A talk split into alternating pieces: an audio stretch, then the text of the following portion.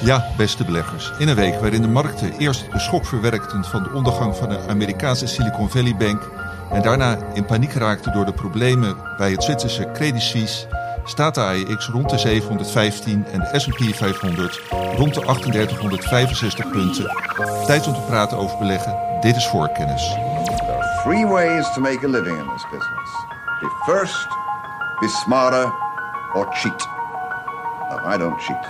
Beleggersbelangen presenteert voor kennis.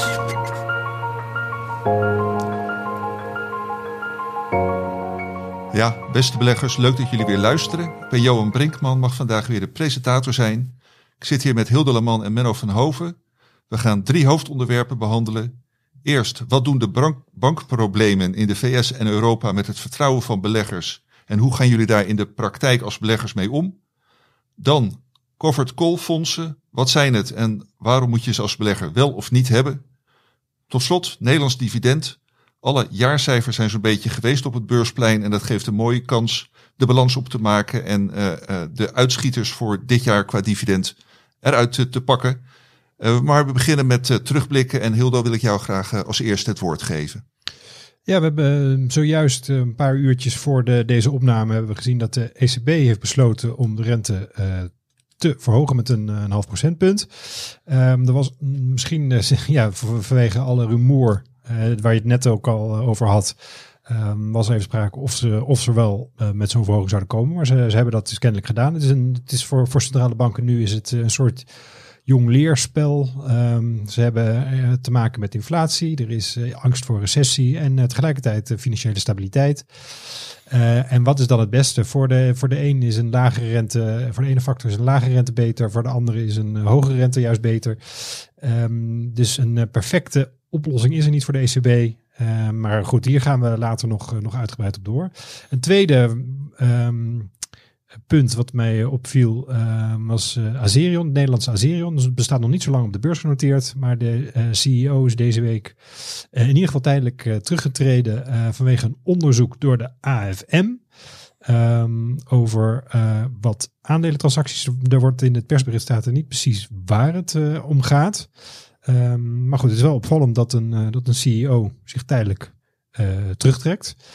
En derde wat me op is gevallen is dat de olieprijs eh, toch hard, hard is gezakt. Het staat nu op het laagste niveau eh, sinds ongeveer november 2021. Dus al een stuk lager dan bijvoorbeeld een jaar geleden toen we allemaal... eh, ja, dat weten we. De meesten zullen dan weten dat- de olieprijs stond een jaar geleden dik boven de 100 dollar. En stond nu, nu net op iets van 66 eh, nog wat. Ehm, dus dat is aanmerkelijk lager. Dus als, eh, dat, ja, dat vind ik ook op, de, op zijn minst eh, opvallend. Hoe kun je dat eh, verklaren, Hilde? Nou, dat, dat heeft natuurlijk te maken met eh, ehm, wat je net zei. De, de, de, er is een, een afname van vertrouwen. En een, de angst voor een recessie is nu ineens veel groter dan een paar weken geleden. Dus dat zal ongetwijfeld een, een rol hebben gespeeld. Maar je ziet al een wat langere trend van, van een dalende, dalende olieprijs. Dus het is niet dat, eh, dat die twee weken geleden 100 dollar was en nu ineens eh, 66. Je ziet al eh, sinds eigenlijk begin vor, vor- vorig jaar zie je gewoon dat die olieprijs heel langzaam geleidelijk aan steeds lager en lager en lager komt. Hij zegt si- sinds begin vorig jaar, of bedoel... eh, nou, dus ja, de, de piek, die, die zat toen ergens, ik weet niet exact, ik heb niet gekeken waar die piek zat, maar die piek zat ergens rond 120 dollar geloof ik. Ik, heb het niet, ik ben niet een grote volger van de olieprijs, maar ik, ik kijk er naar, omdat het is natuurlijk een hele belangrijke eh, grondstof voor de wereldeconomie. Ehm, maar ik maak er geen eh, vaste studie van. Maar eh me te herinneren dat ergens vorig jaar de lente, dat die, die olieprijs ja, maar het is voorjaar- wel na de inval in, Ja, in Oekraïne. Ja, en, dan, en sindsdien zie je gewoon dat het heel geleidelijk aan die olieprijs wat afzakt, af, wegzakt. En ehm, kijk of dat doorzet, ik, eh, dat, eh, dat durf ik niet te zeggen. Ik weet dat Karel bijvoorbeeld eh, op de lange termijn heel erg bullish is over die olieprijs. En dat ze zomaar kunnen, maar in ieder geval als je de afgelopen kwartalen bekijkt, dan is de trend duidelijk neerwaarts. Oké, Dus dat viel me op. helder. Dankjewel. Menno, wat is jou het eh, meeste opgevallen? Ja, een aantal dingen ook. Eh, met name natuurlijk die extreme eh koersuitschieters. eh, waarbij echt bij sommige aandelen blinde paniek lijkt of leek. Uh, bijvoorbeeld in de Verenigde Staten, nou, natuurlijk die bankaandelen die we allemaal wel kennen, maar ook een, een hele grote bank slash vermogensbeheerder slash broker, Charles uh, Schwab. Gewoon, uh, ja, vorige week stond ze bewijs van nog 80. Zakt gewoon intraday naar 45, vervolgens weer 60. CEO zegt niks aan de hand, koopt aandelen bij, aandeel schiet nog verder omhoog. Ja, totaal onvoorspelbaar en mensen hebben volgens mij geen idee wat ze doen en dumpen, maar gewoon blind in veel gevallen. En ja, daar waar je vorige maand uh, elke keer een lijstje had, een lange lijst met aandelen die uh, op een hoogste koers ooit stonden, ja, zie je nu ineens een hele lange lijst van aandelen op een uh, all-time low. Waaronder opvallend veel IPO's, bedrijven die de laatste jaren naar de beurs gingen. ja, voorbeelden die, waar ik in de IPO-rubriek wel kort aandacht aan heb besteed, is, zijn bijvoorbeeld Allbirds, een producent van schoenen van wol en eucalyptus. Uh, The Honest Company van actrice Jessica Alba. Uh, ja, gingen met veel bombardie naar de beurs. Koers die uh, schoot in het begin weer omhoog, maar sindsdien gewoon 80, 90 of nog wel meer procenten gedaald. En ja, veel beleggers zullen daarmee het schip ingegaan zijn. En wat daar ook een beetje mee samenhangt, vind ik dan persoonlijk, is het thema ESG. Het zijn allemaal bedrijven met een groen tintje. Allemaal uh, ja, het thema weldoeners, uh, zoals ik het zelf noem. Die zich als duurzame aff afficheren. Precies, ja, precies. Ja. En zichzelf inderdaad zo ook verkochten bij de beursgang. ja, daar blijft weinig van over. En wat mezelf ook opvalt is toen de beurzen heel goed gingen en de koersen hoogtepunten bleven neerzetten. Dus laten we zeggen voor corona die periode. Toen uh, kregen wij ook heel veel vragen van mensen die heel erg bezig waren met duurzaamheid, ESG. En mijn gevoel is dat dat gewoon nu totaal niet zo is. Dus als mensen geld verdienen, dan willen ze ineens uh, groen bezig zijn. Maar als het even wat tegen zit, dan, uh, dan hoor je ze niet meer. En ja, ik weet niet of jullie die mening delen, maar dat is wel mijn persoonlijke gevoel. nou ja, we zien er op ons forum in ieder geval niet zo heel veel vragen over binnenkomen. Aan de andere kant clean energy, dat thema, dat, daar krijg je toch nog wel wat vragen over. Dus maatschappelijk speelt het wel, maar onder beleggers uh, denk dat. ik inderdaad wel wat, uh, wat minder. Maar het is natuurlijk ook niet, niet fijn om duurzaam bezig te zijn en nou ja, pak een beetje de helft of meer van je geld te verliezen. Ja, precies. En dit soort voorbeelden ja, geven ook nog maar aan dat het niet, niet allemaal ozona is natuurlijk.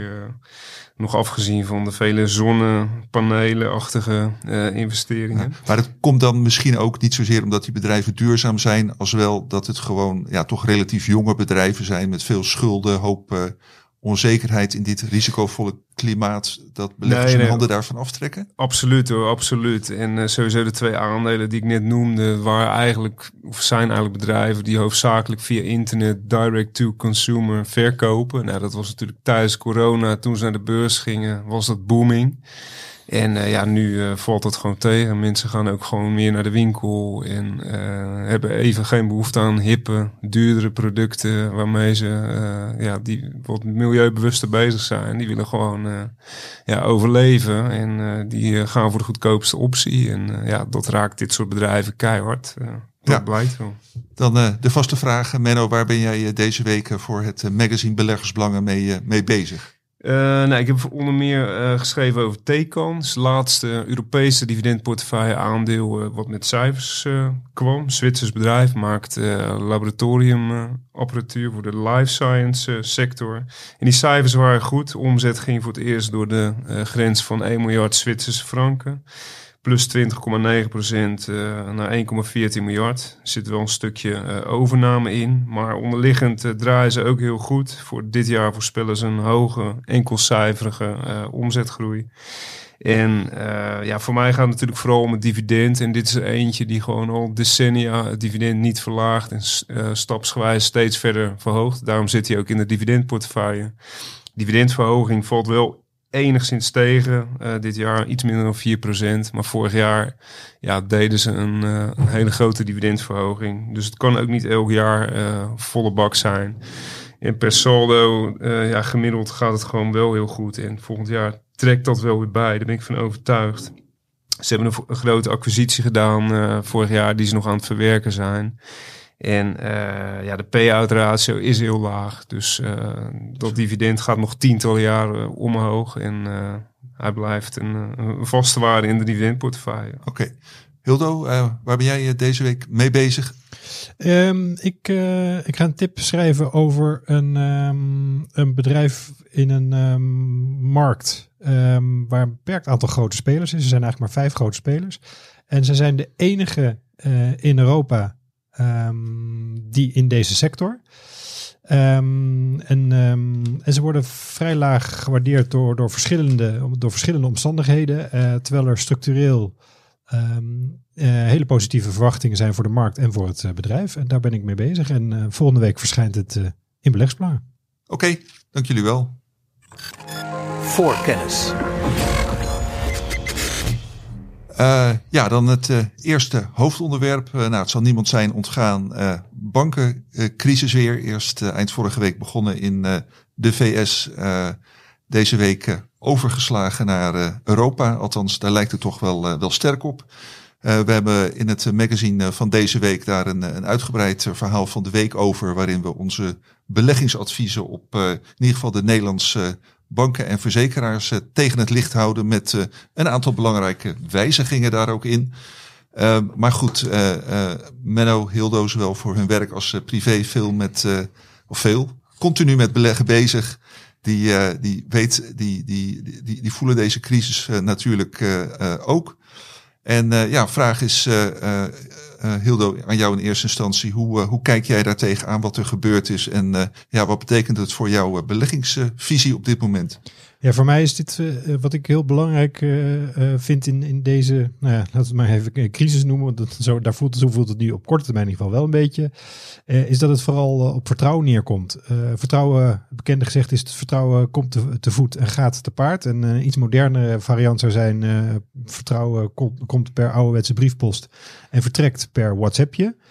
Um, Um, en want ik denk dat bijvoorbeeld die, die, die bankrun op SVB, dat is uh, voornamelijk uh, de, de echte oorzaak was uiteindelijk een, uh, een gebrek aan vertrouwen, wantrouwen van die bank, waardoor rekeninghouders hun geld gingen weghalen. En ja, dan ga je van, van kwaad tot erg en dan gaat het ook echt heel erg snel.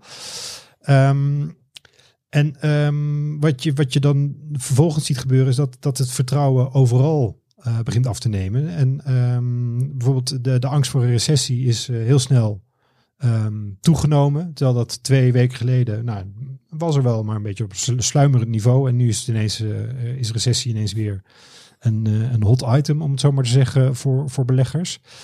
Um, en wat ik uh, kijk, wat ik, wat ik verder vind is, um, en ik denk dat, ja, dat, dat wordt nog eens vergeten, maar aandelenkoersen zijn geen absolute waarheid. Het is niet zo dat, oh, de aandelenkoersen zijn een week lang gedaald, dus recessie is onafwendbaar. Je ziet vaak dat beleggers vrij sterk reageren, overdreven um, reageren. Um, en dat heeft niet altijd voorspellende waarde. Je zag bijvoorbeeld een jaar geleden, um, ik heb het nog heel even gegoogeld, maar een jaar geleden zag je ook allerlei analisten en beleggers voorspellen dat er uh, in 2022 op zijn vroegste uh, en op zijn laatste begin 2023 een recessie zou komen in de VS. Die is niet gekomen. In Europa zelfs trouwens ook eigenlijk, eigenlijk niet echt sprake van een, van een recessie op dit moment. Um, en daarmee wil ik niet zeggen dat er nu geen recessie aankomt. Het enige wat ik er graag mee wil zeggen is dat voorspellen heel lastig is. En uh, zowel analisten als beleggers hebben niet een speciale gave waardoor zij wel kunnen voorspellen wat de rest van de wereld niet kan voorspellen. Dus het feit dat nu een week lang die koersen flink zijn gezakt, um, wil voor mij niet per definitie zeggen dat een uh, recessie nu onafwendbaar is. Uh, dat is niet hetzelfde als dat ik niet zeg dat die, dat die gaat komen. Het is alleen Um, het is een mogelijkheid en dat was twee weken geleden ook. En dat is, dat is het nu nog steeds. Uh, en die, die koersen die zijn wat mij betreft niet... Die hebben niet zo'n voorspellende waarde. Nee, maar je, even een vraagje, Hildo. Want jij zegt wel heel stellig... het vertrouwen van beleggers is, is afgenomen. Maar is dat dan ook wat jij afleidt uit de uh, beurskoersen? Of zie jij ook in bepaalde indicatoren? Ja, een hele makkelijke is de, de, de AAII. Dat is een soort uh, particuliere beleggersorganisatie in de VS. Die publiceert elke week een, uh, een um, soort indexje met de bulls en de bears. En daar zie je dat het percentage bulls vandaag Um, is uh, fors is gezakt. Het, het, staat op het laagste punt. Uh, het is maar 19% tegen 48% um, bears. Um, en dat is het laagste niveau in, in kwartalen. Ehm, ik, ik, ik, kon, ik, heb, eh, ik, ik had eh, vandaag was het erg druk op de Bloomberg, dus ik kon het even niet opzoeken hoe lang. Maar dit is, eh, het is een behoorlijk laag niveau. eh, ehm, in ieder geval het laagste niveau van dit jaar. En daar kun je, daarin kun je duidelijk zien dat het vertrouwen ineens snel is afgenomen. Want ehm, de vorige weken lag dat vertrouwen, eh, het aantal, het percentage boels lag een, lag een stuk hoger. Dus daar zie je gewoon aan, het vertrouwen is afgenomen. En, en vertrouwen eh, uit zich ook in, in eh, wantrouwen eigenlijk, uit zich ook in acties. Want er zijn gewoon mensen die eh, verkopen. Of mensen willen, zijn niet bereid om, om te kopen. En dan zie je gewoon die prijzen zakken. Dus, ehm, en dat, dat gaat, zoals ik al zei, eh, het gaat heel snel. Want eh, twee weken geleden, zoals ik al zei, ja, de, de koersen zakte een beetje. Maar de paniek die, we, die je nu her en der ziet, die was twee weken geleden, was er helemaal niet. En nu het is vrij snel gegaan. Ja, Ehm, mag ik dan weten hoe jij daar als eh, privébelegger eh, mee omgaat? Nou, ik heb feitelijk niets gedaan. Ehm, ja, dat. En, ehm, en dus, ja, om, er zijn verschillende redenen voor. Kijk, ik zie alle bedreigingen wel. Maar zoals ik al zei, ik ga er niet van uit dat omdat nu eh, de SVB is omgevallen en Suisse in eh, problemen zit, dat er nu een recessie onafwendbaar is. Dat wil niet zeggen, zoals ik al zei, dat die niet gaat komen. Ehm, alleen er zijn eh, verschillende scenario's mogelijk. Dus, Kijk, er zijn grosso modo drie grote bedreigingen nu voor, de, voor de beurs. De, de, ja, laten we maar even de drie vrolijke vrienden noemen. Ehm, eh, recessie, de angst voor recessie. Dat, dat, eh, dat, ja, dat, dat, eh, dat beest dat kennen we nu al anderhalf jaar. ja, ehm, loopt hij, zou maar zeggen, rondom, rondom onze huizen. En we zijn bang dat hij, dat het, dat naar binnen komt. Ehm, de tweede is financiële stabiliteit. Dat was tot voor kort eigenlijk geen issue. Maar is dat ineens nu wel door het omvallen van een aantal banken en de problemen bij Credit Suisse. Maar ook de problemen bij Credit Suisse die spelen al eigenlijk al jaren. Dat is niet nieuw. Alleen het wordt nu inderdaad, dat klopt, het wordt nu veel urgenter. Dat zal ik zeker niet, eh, niet ontkennen. Dus financiële sta- stabiliteit, dat is een, eh, dat is een, eh, een, een bedreiging. En de, en de derde is natuurlijk nog steeds ehm, de hoge inflatie. Inflatie blijft relatief hoog. Ehm, in Europa vind ik hem eigenlijk nog een stuk hoger dan eh, de VS. En, eh, want in de VS zie je toch wel duidelijk een dalende trend, alhoewel die nog steeds ehm, vrij hoog is. Maar daar, eh, kijk, voor de VS maak ik me iets minder zorgen. En, eh, in Europa ehm, is iets wat erger. En, en waar ik vooral bang voor ben met die inflatie, is dat, dat we terechtkomen in een loonprijsspiraal.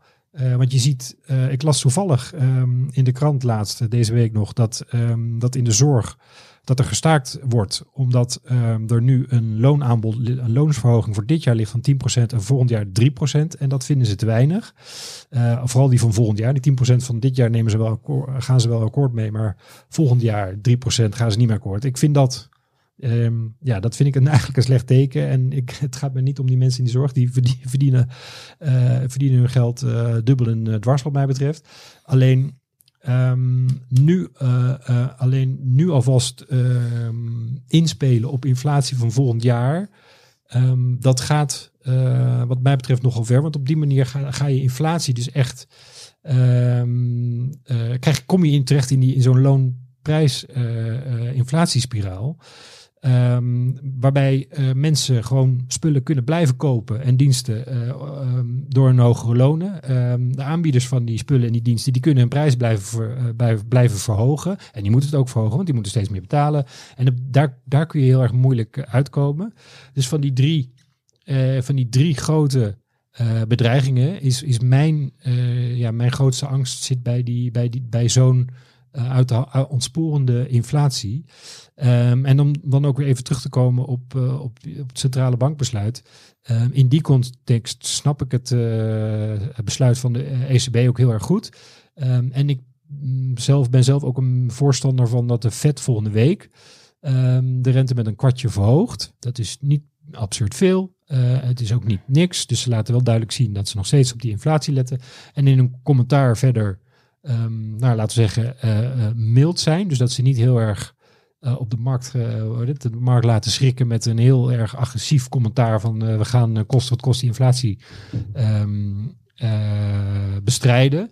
Want je wil die financiële stabiliteit wil je, wil je wel in stand houden. En dat doe je onder andere door het vertrouwen van, van mensen en beleggers weer eh, terug te winnen. En dat zal tijd kosten, zoals ik al zei. Het komt, eh, eh, het, het, het komt te voet. Dus vertrouwen kun je niet in een uurtje persconferentie meteen terugwinnen. Eh, je moet ergens beginnen. Ja, vertrouwen is, is de sleutel. En als je dan kijkt naar de adviezen die jij geeft voor beleggersbelangen, met name in de, in de technologie sector, is natuurlijk ook een sector, we hebben vorig jaar gezien, die ja, behoorlijk omlaag kan gaan, maar toch ook wel weer sinds het najaar behoorlijk eh, omhoog. Hoe eh, kijk je dan tegen die eh, adviezen aan en eh, ja, hoe, hoe bestand zijn die bedrijven tegen eventueel een recessie? Ja, dat varieert heel erg per bedrijf. Ik je kan een cm.com kun je eigenlijk niet vergelijken met ASML, om maar eens wat, wat te noemen. Dus dat, dat, die, die gevoeligheid die, die varieert per bedrijf. En het is evident dat ASML weinig gevoelig is tegenwoordig voor, eh, voor recessies. Dat was voorheen wel anders, maar ehm, voor dit jaar is een van de weinige bedrijven die gewoon doodleuk een, eh, een, een hele concrete omzetverwachting voor dit jaar heeft eh, gegeven. En ook een hele positieve. Ehm, en dat doen ze niet voor niets. Ehm, dus, dus dat is dan een voorbeeld van een bedrijf waar, waar ik eigenlijk weinig, geen grote eh, turbulentie verwacht eh, als er een eh, recessie komt. En bij anderen zal, dat, zal dat wat meer zijn.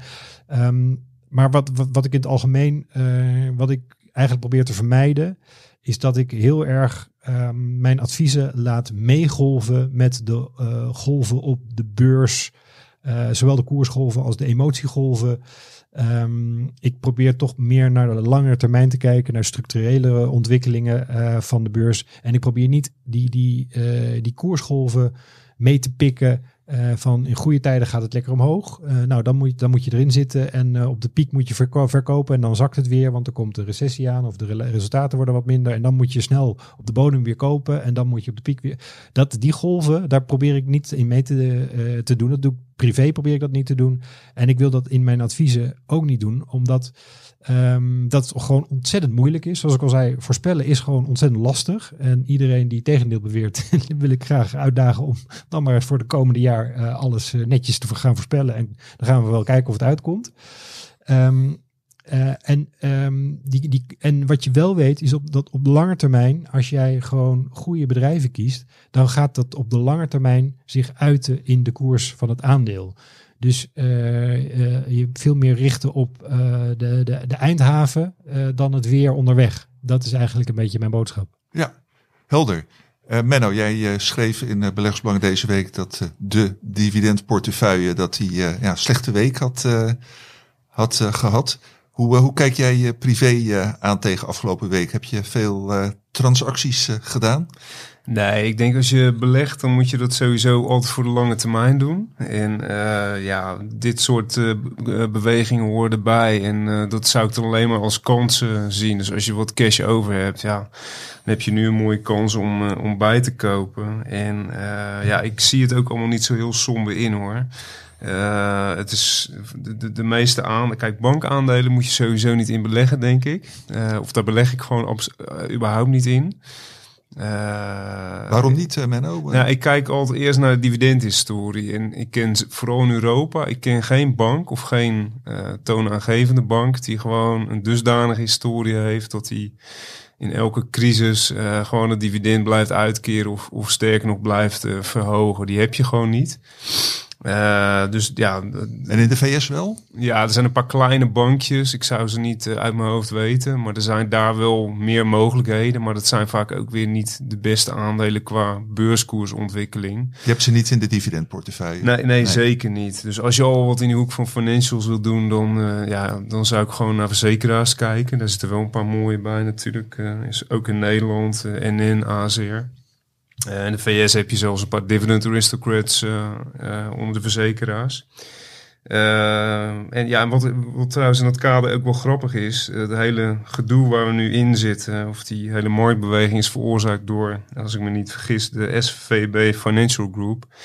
En natuurlijk eh, heb ik die ergens ook op een lijstje staan. En als ik me niet vergis, betaalde die gewoon geen eens dividend. Dus dan vraag ik me ook af, eh, een bank die geen dividend betaalt, ja, wat moet je daar nou mee eh, met zo'n aandeel?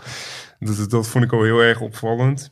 En vorig jaar was die koers ook al 65% omlaag. Eh, ja, dat doet niets af aan uh, hetgeen wat er nu uh, gebeurt. Maar ja, het is sowieso een hele bijzondere bank. zoals ik er van buiten naar kijk. Maar dan vooral vanwege het feit dat ze nooit een dividend uitkeren. en ja, we moeten het ook in perspectief plaatsen. Uh, kijk je naar uh, de, de slechts presterende sectoren op weekbasis binnen de S&P 500, dan is dat onder meer energy, dus de olie-gasbedrijven. Uh, en de industrials, dat zijn natuurlijk de meer cyclische aandelen. En dat zijn ook juist die aandelen die eerder dit jaar gewoon echt allemaal op hoogste koers ooit te noteren. We hebben het hier over Chevron gehad, veelvuldig. Uh, Parker Hannifin, het schoolvoorbeeld van een mooie kwalitatief hoogwaardige industrial, stond nou, begin deze maand nog op een all-time high. En nu staan we gewoon 50, 60 dollar lager. Mede natuurlijk omdat die koersen gewoon heel hard zijn opgelopen. In een aandeel rond een all-time high. En ja, je krijgt die hele nieuwsflow van de afgelopen week. Er zijn er gewoon veel mensen die, uh, die winst pakken, die uitstappen. En ja, dit zijn natuurlijk aandelen uh, die je dan verkoopt. ik kan het wel beamen. Als je ook als je cash nodig hebt, ja, dan ga je eerder de aandelen met, waar, waar, waar je flink winst op hebt verkopen. Dan dat je je grote bleeders uit je portefeuille gooit. Ik denk dat iedereen wel op die manier werkt. Of het verstandig is, is wat anders natuurlijk.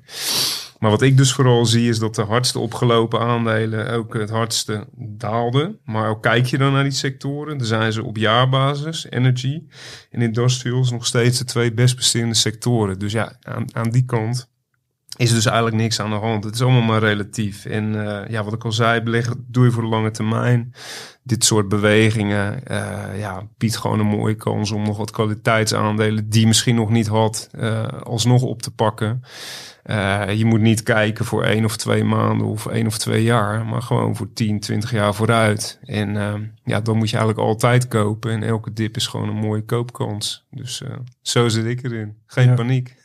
Wat ik nog zo zou willen toevoegen is dat ik heb ook vaak het idee dat de, de veerkracht en het aanpassingsvermogen van zowel mensen, consumenten als bedrijven, dat dat nog wel eens onderschat wordt. In het verleden hebben we best wel veel uh, momenten gehad dat, dat, er, dat er ook voorspellingen werden gemaakt dat de hele wereld eigenlijk zou instorten.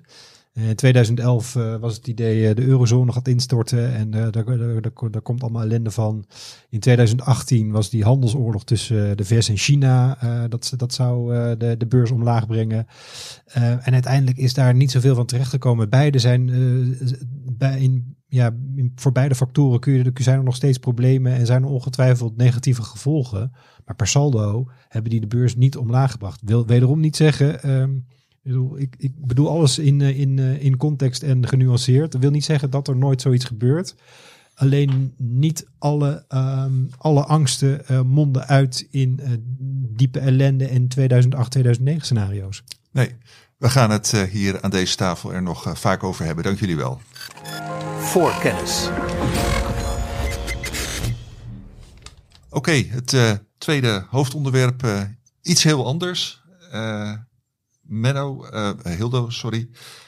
jij had een vraag binnengekregen bij de redactie over de covered call funds.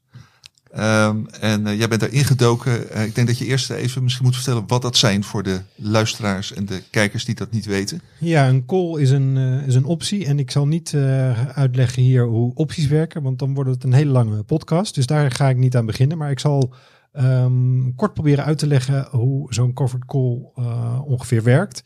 Um, met een covered call strategie sta je stijgingen boven een bepaald koersniveau af voor een bepaalde afgesproken periode, bijvoorbeeld laten we zeggen drie maanden. Dus stel je hebt een AX-tracker in je portefeuille en je spreekt met iemand af dat gedurende de komende drie maanden alle winst die die tracker oplevert um, bij een AX-stand boven de 750 punten bijvoorbeeld, naar, die andere, naar, een, ander, naar een ander persoon gaat. Je spreekt dat met z'n tweeën af.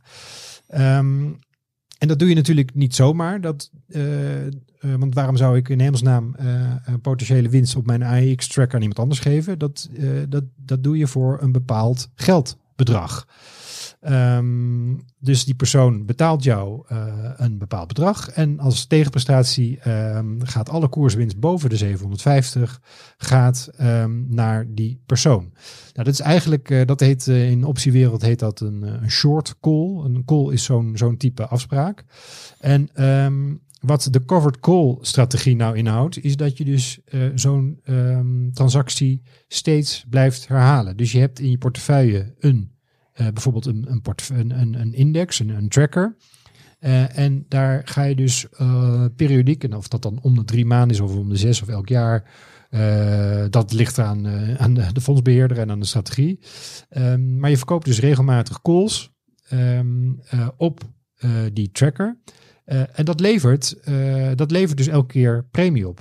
Nou, het voordeel daarvan is als ehm, die, die index, ehm, als die niet stijgt, dus als die niet boven dat afgesproken niveau uitkomt, dan hoef je helemaal geen winst ehm, in te leveren, want er is geen winst. Eh, maar je mag die premie die je hebt ontvangen, dat heet dan een premie, dat bedrag wat je ontvangt, die premie, die mag je houden.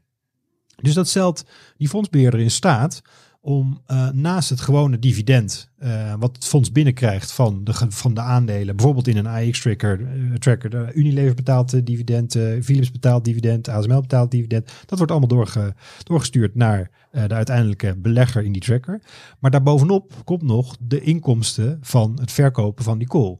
Dus het grote voordeel, dat is al duidelijk denk ik. eh, het grote voordeel is dat je met zo'n covered call strategie een, vrij hoog dividendpercentage eh, hebt. En dat, dat zie je ook, want ik zag eh, in... Je bedoelt vrij hoog inkomen eigenlijk. Wat bestaat Ja. uit dividend en uit nou, het die wordt uit- premie. uitgekeerd als Oh, het dividend. wordt uitgekeerd als dividend. Het, is niet, eh, het, het heet niet anders dan Nee. dividend. Alleen de bron eh, eh, van het dividend is voor een deel het dividend van aandelen in de portefeuille. En voor een ander deel is, is het de inkomsten door het verkopen van, van een call of meerdere calls. En dat kan dus, eh, want ik zag dat er bij een paar dat het eh, op dit moment, dat dividendpercentage varieert wel door allerlei omstandigheden. Op dit moment bij een paar staat het maar liefst op 12 procent. dus dat kan echt behoorlijk hoog zijn. Ehm, maar een oplettende eh, luisteraar zal ongetwijfeld al de keerzijde van deze fondsen aanvoelen. Het probleem is als koersen wel stijgen, dan doe je dus niet mee omdat je de afspraak hebt gemaakt. Oké, koerswinsten boven een bepaald niveau, die gaan allemaal naar de, de, degene die die call heeft gekocht. Je hebt die call aan niemand verkocht. Eh, en dus je hebt de afspraak gemaakt, als het boven de x uitkomt, dan gaat alle winst, koerswinst, die gaat naar die ander. Dat, daar doe je dus ehm, met zo'n strategie doe je dus niet mee met flink stijgende koersen. Ehm, eh, maar tegelijkertijd, eh, als de koersen flink zakken, dan heb jij wel die premie ontvangen voor die call en het dividend ontvangen.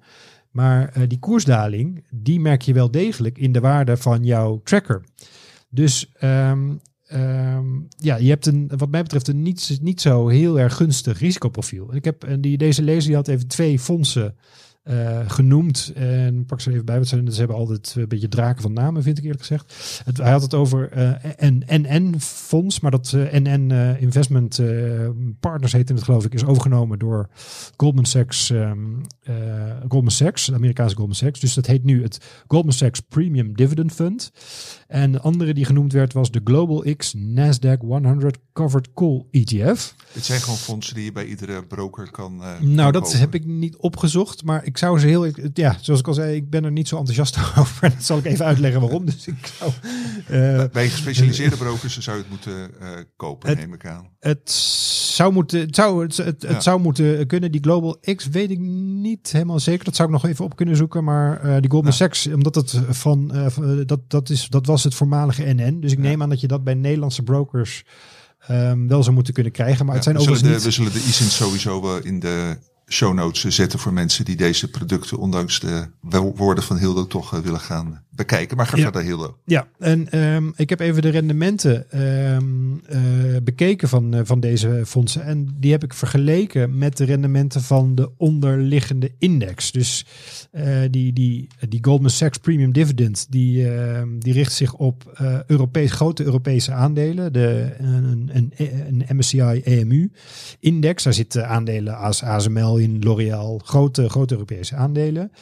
Ehm, en die eh, Global Nasdaq, de Global X Nasdaq, uiteraard de Nasdaq eh, 100 eh, index. Ehm, en als je bij, bij beide, ehm, als je de eh, prestaties, zowel op langere termijn als kortere termijn, dus als je wel op, op jaarbasis als op meer, meerjarige basis vergelijkt van het fonds met die van de index, inclusief het dividend, dan zie je gewoon dat deze fondsen het gewoon ehm, eh, op lange termijn gewoon slechter doen. En wat ook helemaal opvallend is, je zou zeggen ehm, dat deze fondsen het goed doen in moeilijke jaren. Uh, want je krijgt, uh, kijk, je verkoopt een call en dus verkoop je koersverlies. Maar als beurzen zakken, ja, dan je verkoopt koerswinst, excuus. Um, maar als beurzen zakken, ja, dan is er verlies, dan is er helemaal geen winst af te staan. Dus je hoeft geen winst af te staan, maar je hebt wel die extra call-opbrengst. Dus zou je zeggen, dan doen ze het iets beter. Maar wat viel me op, in 2018, wat toch vooral aan het einde een beetje een broer beursjaar was, was um, het totaalrendement van deze twee fondsen allebei ietsje slechter dan hun benchmark. Ja, dat is niet wat, tenminste ik zou daar niet zo blij mee zijn. En als je op lange termijn kijkt, dan um, wordt helemaal duidelijk. Uh, bijvoorbeeld van die, uh, die, die, die uh, Goldman Sachs Premium Dividend. Um, daarvan is het rendement van de afgelopen tien jaar is um, ietsje meer dan de helft van het rendement van die MSCI EMU index. En dan, heb ik, dan is het, dat is inclusief het dividend. Want als je naar de koersontwikkeling kijkt, dan sta je na tien jaar sta je onder water. Dus um, ik ben er niet zo enthousiast over. Uh, of eigenlijk ben ik er helemaal niet enthousiast over. Het enige wat ik me kan voorstellen is dat je inkomen zo belangrijk vindt Um, dat je per se een hoge uitkering wil en dat je, um, dat je vermogens uh, aanwas, vermogensgroei totaal onbelangrijk vindt. Dus stel je bent gepensioneerd, je hebt geen kinderen en je wil gewoon een, een uitkering. Dan kan ik me misschien voorstellen dat je denkt van ja, wat interesseert mij dat mijn vermogen niet, uh, niet rendeert als ik maar jaarlijks een hoge uitkering heb. Waar, waarmee ik um, hoe heet het, uh, leuke dingen kan doen. Ja, maar ja. het voorgesprekje wat wij hadden, Hilde, zei jij uh, tot mijn verbazing dat er toch uh, naar jouw idee redelijk veel van dit soort fondsen gebruik wordt gemaakt. Nou, nee, dat, dat zei ik. Ik dacht dat je, dat je vroeg of, of, of, of er wel eens of er vraag naar is. En, um, en ik heb wel ja, er vaker. Vragen, zijn meerdere vragen bij jou binnengekomen. Ja, ik heb al vaker deze vraag um, gezien. Dus, maar ik, ik, kijk, dat komt natuurlijk. Er zijn best wel wat mensen geïnteresseerd in hoge dividenduitkeringen. Ik bedoel, Menno, de populariteit van Menno's dividendportefeuille is natuurlijk een, uh, dat is evident. En dat komt natuurlijk omdat mensen dat, uh, uh, dat gewoon heel interessant vinden. En dat is ook interessant. Maar zoals ik al zei, de, ik vind um, dus de keerzijde van deze fondsen niet opwegen tegen die hele hoge uitkeringen. Nee. helder. Menno, wil jij daar nog wat aan toevoegen aan dit onderwerp? Want ik heb het, ik heb het idee dat ook jij vindt dat mensen beter in, gewoon in dividendaandelen kunnen beleggen dan in dit soort fondsen. Nee, absoluut. Kijk, bij dividend, uh, als je in individuele aandelen belegt, heb je helemaal zelf in de hand waar je uiteindelijk zeker op lange termijn naartoe gaat met, je, met je totaalrendement. En uh, ja, uh, sowieso alles met een, wat je voor het uh, voor hoog dividend, voor inkomen doet, daar moet je heel erg mee oppassen. En zeker dit soort gestructureerde producten, waar ik totaal geen kaas van heb gegeten.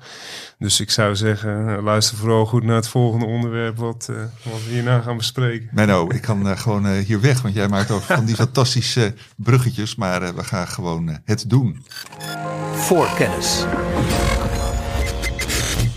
Nou, Menno, zeg het maar. Je hebt de uh, jaarcijfers op het beursplein allemaal bestudeerd. Gekeken wat uh, bedrijven aangekondigd hebben qua dividenden. Volgens mij moet dat allemaal nog wel goedgekeurd worden door uh, de, de jaarvergadering. Klopt, klopt. maar goed, desalniettemin heb jij denk ik een heel goed beeld wat, wat Nederlandse aandelen, Nederlandse bedrijven gaan uitkeren aan uh, dividenden. Wat heeft dat uh, voor gezichtspunten opgeleverd? Ja, nou, ik maak elk jaar voor beleggersbelangen een uh, omslagverhaal over Nederlands dividend. En dat is altijd na de jaarcijfers. de meeste bedrijven die betalen nog steeds één of twee keer per jaar dividend. En dat dividend over in dit geval boekjaar 2022 is nu voor ja, de meeste uh, aandelen uitgezonderd van bedrijven met een gebroken boekjaar uh, is dat wel uh, bekend.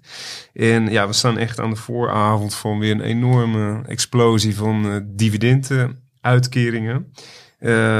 altijd in april mei, vooral april, is een hele tweede helft van april is een hele belangrijke periode. Er gaan heel veel aandelen ex-dividend.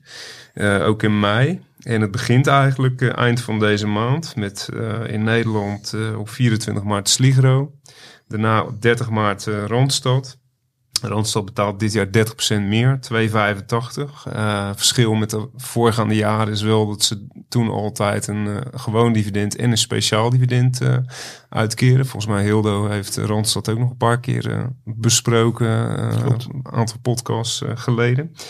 Eh, dus dat zijn echt de eerste twee. En ja, de echte piek die zit eh, in de laatste weken van april. Zeg tussen 24 en 28 april. Dan gaan er, eh, voor zover wat ik nu heb kunnen achterhalen, minimaal 17 eh, aandelen ex-dividend. Waaronder grote jongens als AXO, ING, Heineken, Bezi, IMCD en ASML.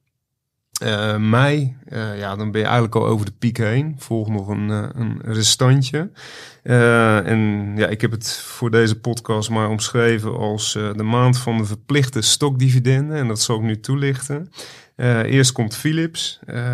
betaalde jarenlang een dividend van 85 cent. Nou, ze weten natuurlijk allemaal van de problemen van Philips. Het was in die zin verrassend dat ze dit jaar ook gewoon weer die 65 eh, of eh, 85 cent uitkeren. Eh, alleen, eh, het is een verplicht stokdividend. Dus als belegger krijg je het gewoon volledig in aandelen uitgekeerd. Dus eigenlijk is het gewoon een aandelenemissie. Eh, dus dat is wel vrij bijzonder. Dividendrendement is nu 5,7%. Maar het enige wat er gebeurt is dat het aantal Ja. uitstaande aandelen groeit. Dus per saldo hadden ze net zo goed geen ja, tussen haakjes dividend. Want eigenlijk is het geen eens een, eh, een Gewoon een echt sigaar uit eigen doos. eh, Ja. Nou, ja. ja. in dit geval 100%. En ja, nog een bedrijf wat het altijd gedeeltelijk doet, is Haltrust, de holding. Eh, want die elk jaar eh, krijg je daarvan eh, de helft van de dividend in cash en de andere helft verplicht in nieuwe aandelen. Dus wil jij een volledig cash dividend, kan niet bij Hal. En wat ze eigenlijk doen, ze kijken aan het einde van, het, van, van elk jaar naar een gemiddelde beurskoers uit mijn hoofd over een periode van een maand. Ja, december, als ik het goed heb. Precies, dat zou heel goed kunnen. En dan plakken ze daar een dividendrendement van 4% op. En dan komen ze op het dividendbedrag dat ze dat jaren uitkeren. Dat is eigenlijk heel raar. Als de beurskoers eh, een goed jaar, dan eh, krijg je dus eh, ja, in die zin dividendgroei ook. En in, als de beurskoers daalt, dan krijg je ook een minder dividend in het jaar daarna. Heel bijzonder dividendbeleid. En dus de helft verplicht in cash. Dit jaar betalen ze minder. omdat blijkbaar de beurskoers vorig jaar gedaald is. Dat heb ik niet gecheckt, maar dat moet wel. Ja. Ze betalen dit jaar 5 euro dividend. eh, maar eigenlijk krijg je maar 2,50 dividend. En ja, dat is dan een dividendrendement van 2%. Want die andere 2,50 is gewoon in nieuwe aandelen hal. En ook kijk je dan ook op die eh, balans. Dan zie je dus gewoon elk jaar zie je het aantal uitstaande aandelen met ongeveer 2% groeien. Dus eigenlijk doen ze gewoon elk jaar een emissie voor dat gedeelte stokdividend. Zeg ik, doe het gewoon niet. Eh, hou het gewoon Nee, maar jij zei, eh, eh, dit zijn dan de verplichte stokdividenden. Ja. Want daar, daar zit, eh, ja, verplicht doe je dan voor de, voor de belegger om daar Ja, mee te doen. Precies, Ja, precies. Niet, je hebt niet de verplicht keuze. voor de bedrijven. Precies. Je, je hebt ook bedrijven met een keuzedividend. Dan kun je dus of volledig stokdividend of volledig cash. Dan heb je het nog in eigen hand. Eh, maar hier heb je die keuze niet. Eh, je moet dat stokdividend nemen als je in het aandeel zit. Of je krijgt het eigenlijk in je mik, eh, dat stokdividend. Ik, ja, dus... ik proef in alles dat jij daar niet Nee, nee, zeker niet. Ja, dat is eigenlijk is gewoon een aandelenemissie die je elke keer doet. Dus Ja. in die zin, het is tegenovergestelde aan de inkoop van eigen aandelen. Maar goed, HAL doet dat dus als gestructureel beleid. Bij Philips is het eh, ja, uit nood geboren. Ja, nou, het enige reden dat je een stokdividend eh, uitkeert als bedrijf, of in ieder geval aanbiedt, is natuurlijk om cash eh, binnenboord te houden. Nou, bij Philips kunnen we allemaal wel begrijpen dat, ze, dat er helemaal geen cash uit mag.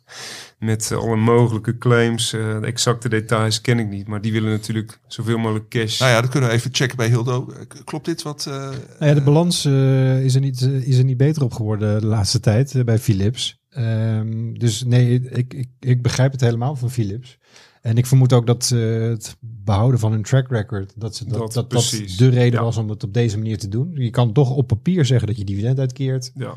eh, maar in de praktijk kost het je geen cash. En, eh, en dat heeft Philips eh, nu eventjes hard nodig, want ja, ze, ze weten ook niet precies hoe het allemaal gaat lopen in de VS met die, met die rechtszaken. Precies. Dus eh, ze, ja, het is begrijpelijk dat ze even op de centjes willen gaan zitten. Ja. Dat is een heel goede aanvulling, Hilde. Want inderdaad, Philips is een van die aandelen die gewoon al tiental jaar op rij dividend nog nooit heeft eh, verlaagd en het stapsgewijs verhoogde.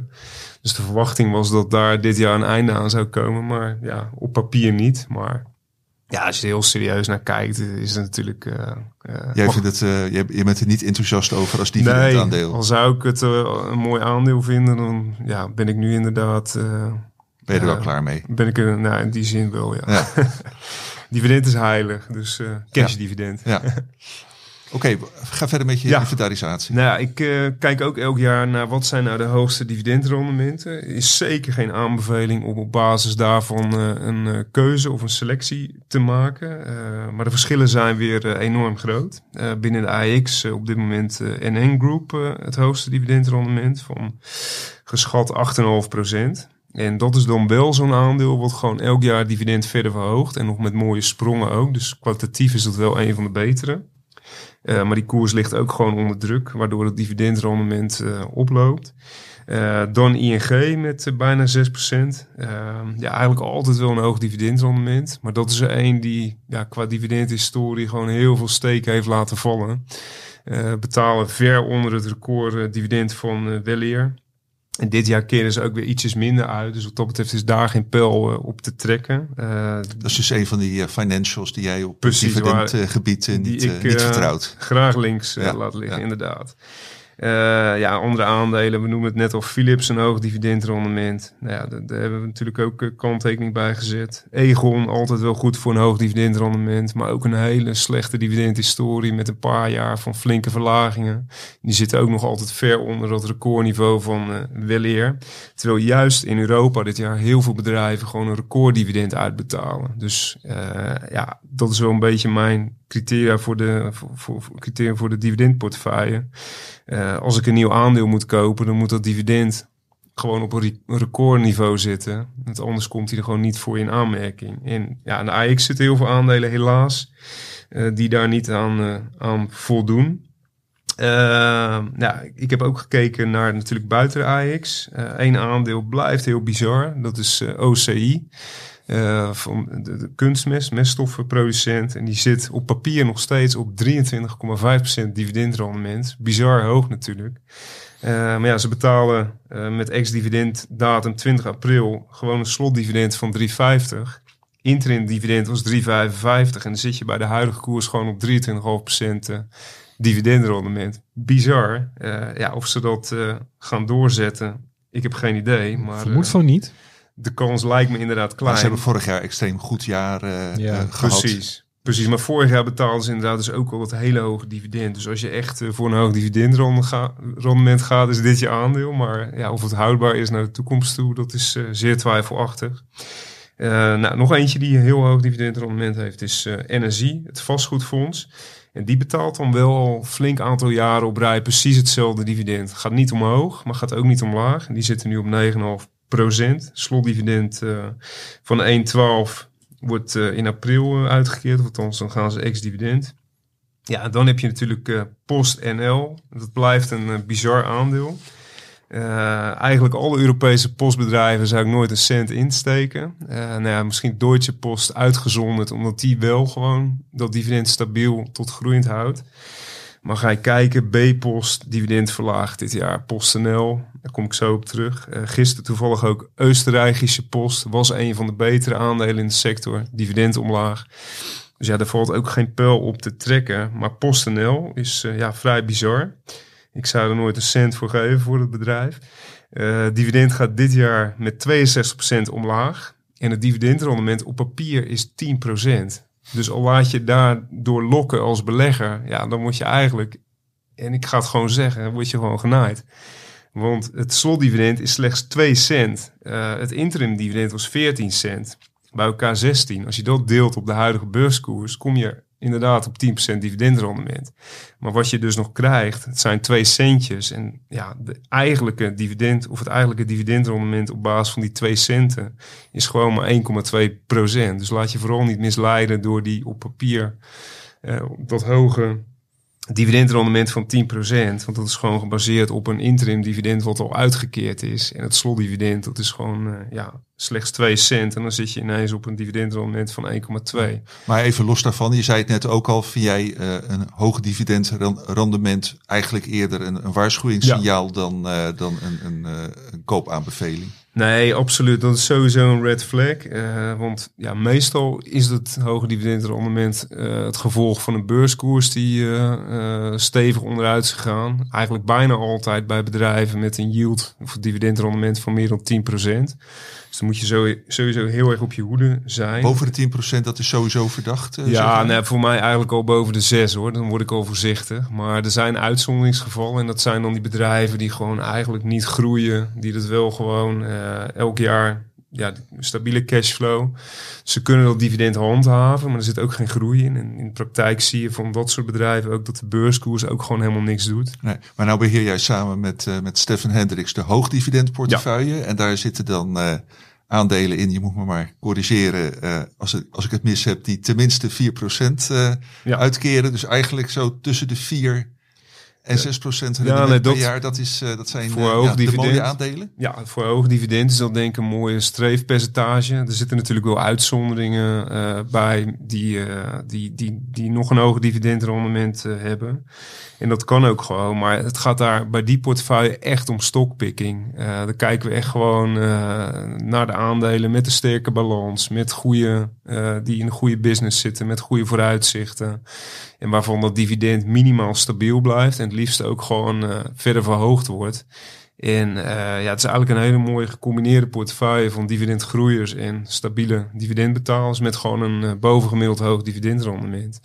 Maar ja, er zijn er weinig van en we, we, hebben ook in die zin moeite om hem in te vullen. En ja, het is een heel beperkte selectie waar je uit kunt kiezen. En, ja, maar weinig tot geen uh, bleeders. Uh, nee, totaal niet. En dus, uh, het komt vooral op konto van Steffen natuurlijk, de, nou, de Steffen, Als je luistert, complimenten van Menno en, en, ons allemaal. Ja. Absoluut. Dus, nee, dat, dus al, al, zoek je echt hoog dividend, dan kun je misschien nog het beste naar zo'n portefeuille kijken waar gewoon echte pareltjes op hoog dividend gebied in zitten.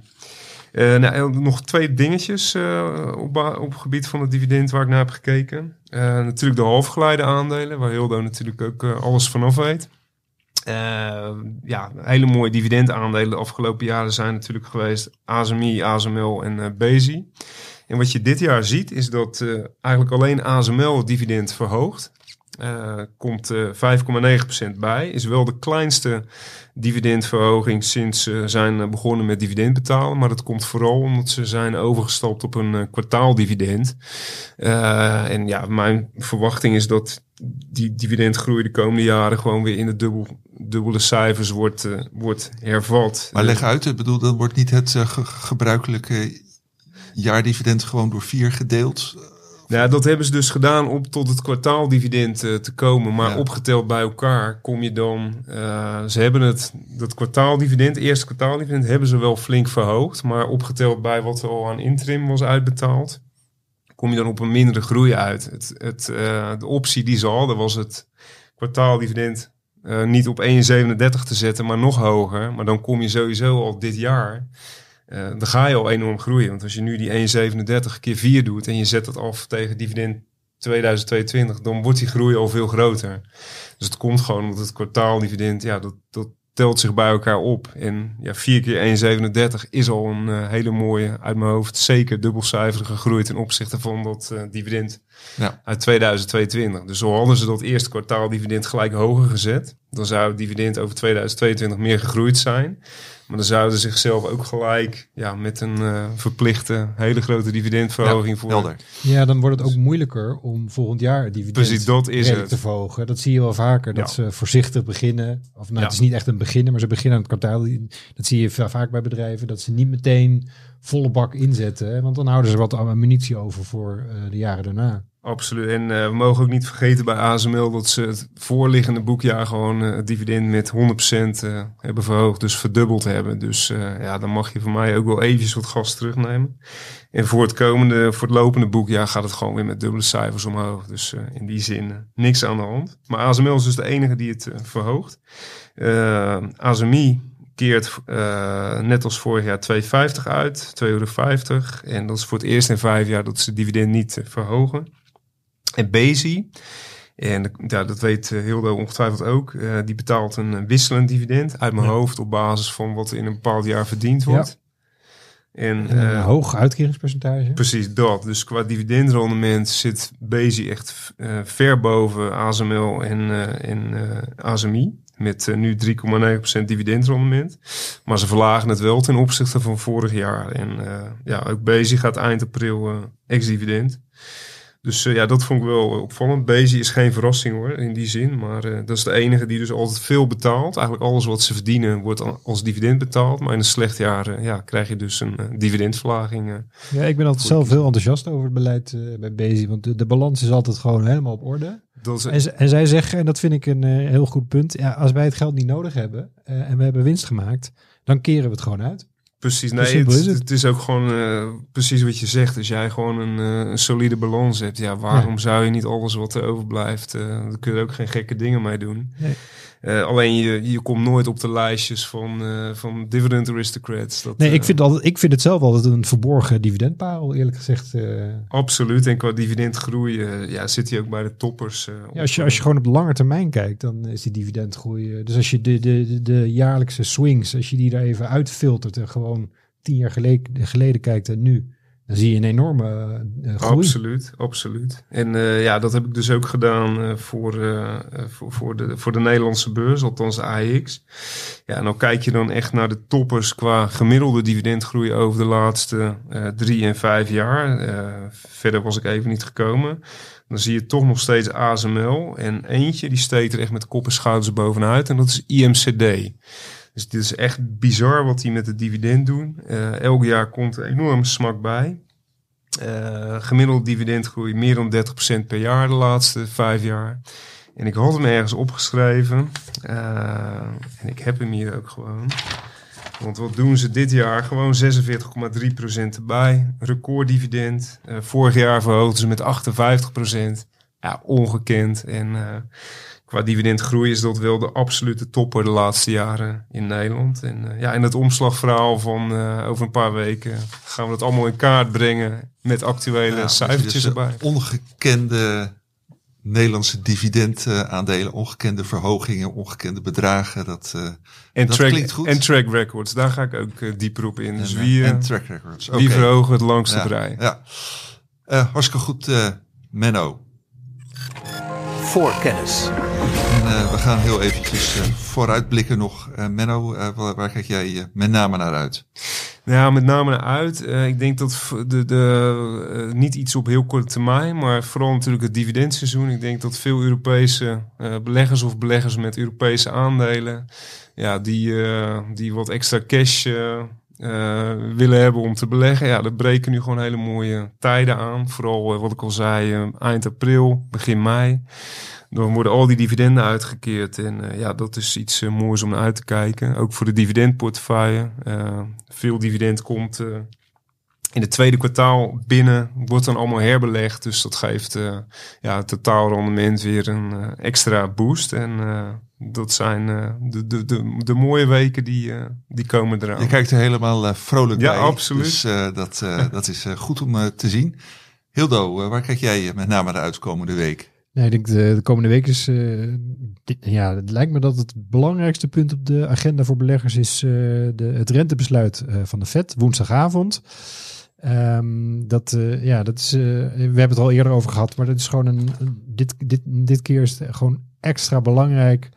Um, omdat het gewoon zoveel um, duidelijk, nou, duidelijk maakt. Omdat het gewoon uh, van invloed is op de, de financiële stabiliteit. Het, uh, het heeft, hoe het, die, die inflatie, waar, waar ik het ook al over heb gehad, dat, daar is het belangrijk voor. Wordt die, wordt die wel of niet um, bestreden door de, door de, door de Fed? Dus ja, het is, het is een heel belangrijk moment. Wat, wat gaan ze doen? Wat, wat vindt de Fed? Want dat, dat wordt ook uit duidelijk. Wat vindt de Fed van wat er de afgelopen paar weken is gebeurd uh, met, van, ja, natuurlijk met, die, met die Amerikaanse banken en uh, op de beurzen. In hoeverre wegen ze dat mee met hun besluit? En um, ja, ik denk dat het, dat het een, een coin toss, om het zo maar te zeggen, wordt. Een muntje opgooien wordt tussen geen verhoging, dus nul of een kwartje. En ik denk zelf, een, uh, ik zou zelf een kwartje doen. Ik denk ook dat dat het beste is. Uh, dat had ik al gezegd. Uh, maar dat is, een, dat is denk ik komende week gewoon ja, het belangrijkste punt op de agenda. Ja, en dan natuurlijk de toelichting erbij. Ja, ja, en ja, want wat ik zelf zou zeggen, wat ik zelf zou doen is uh, verhogen het met een kwartje en uh, wees in de toelichting niet al te, nou, hoe zou ik zeggen, al te streng. Uh, havik wordt het altijd genoemd, havikachtig. Um, ga niet de markt heel erg laten schrikken. Dat zou ik. Ik denk ook niet dat ze. Ik verwacht ook niet dat ze dat gaan doen. Want het olie op het vuur gooien, daar, daar hebben ze zelf ook geen baat bij. Dus ik denk ook niet dat ze dat gaan doen. Oké, helder. En uh, we wachten het af. En uh, ik kan nu alvast uh, zeggen dat volgende week aan deze tafel, dan zit Maarten Butterman hier trouwens op de presentatorstoel. we het over dit onderwerp gaan hebben dan met Karel Merks en Stefan Hendricks.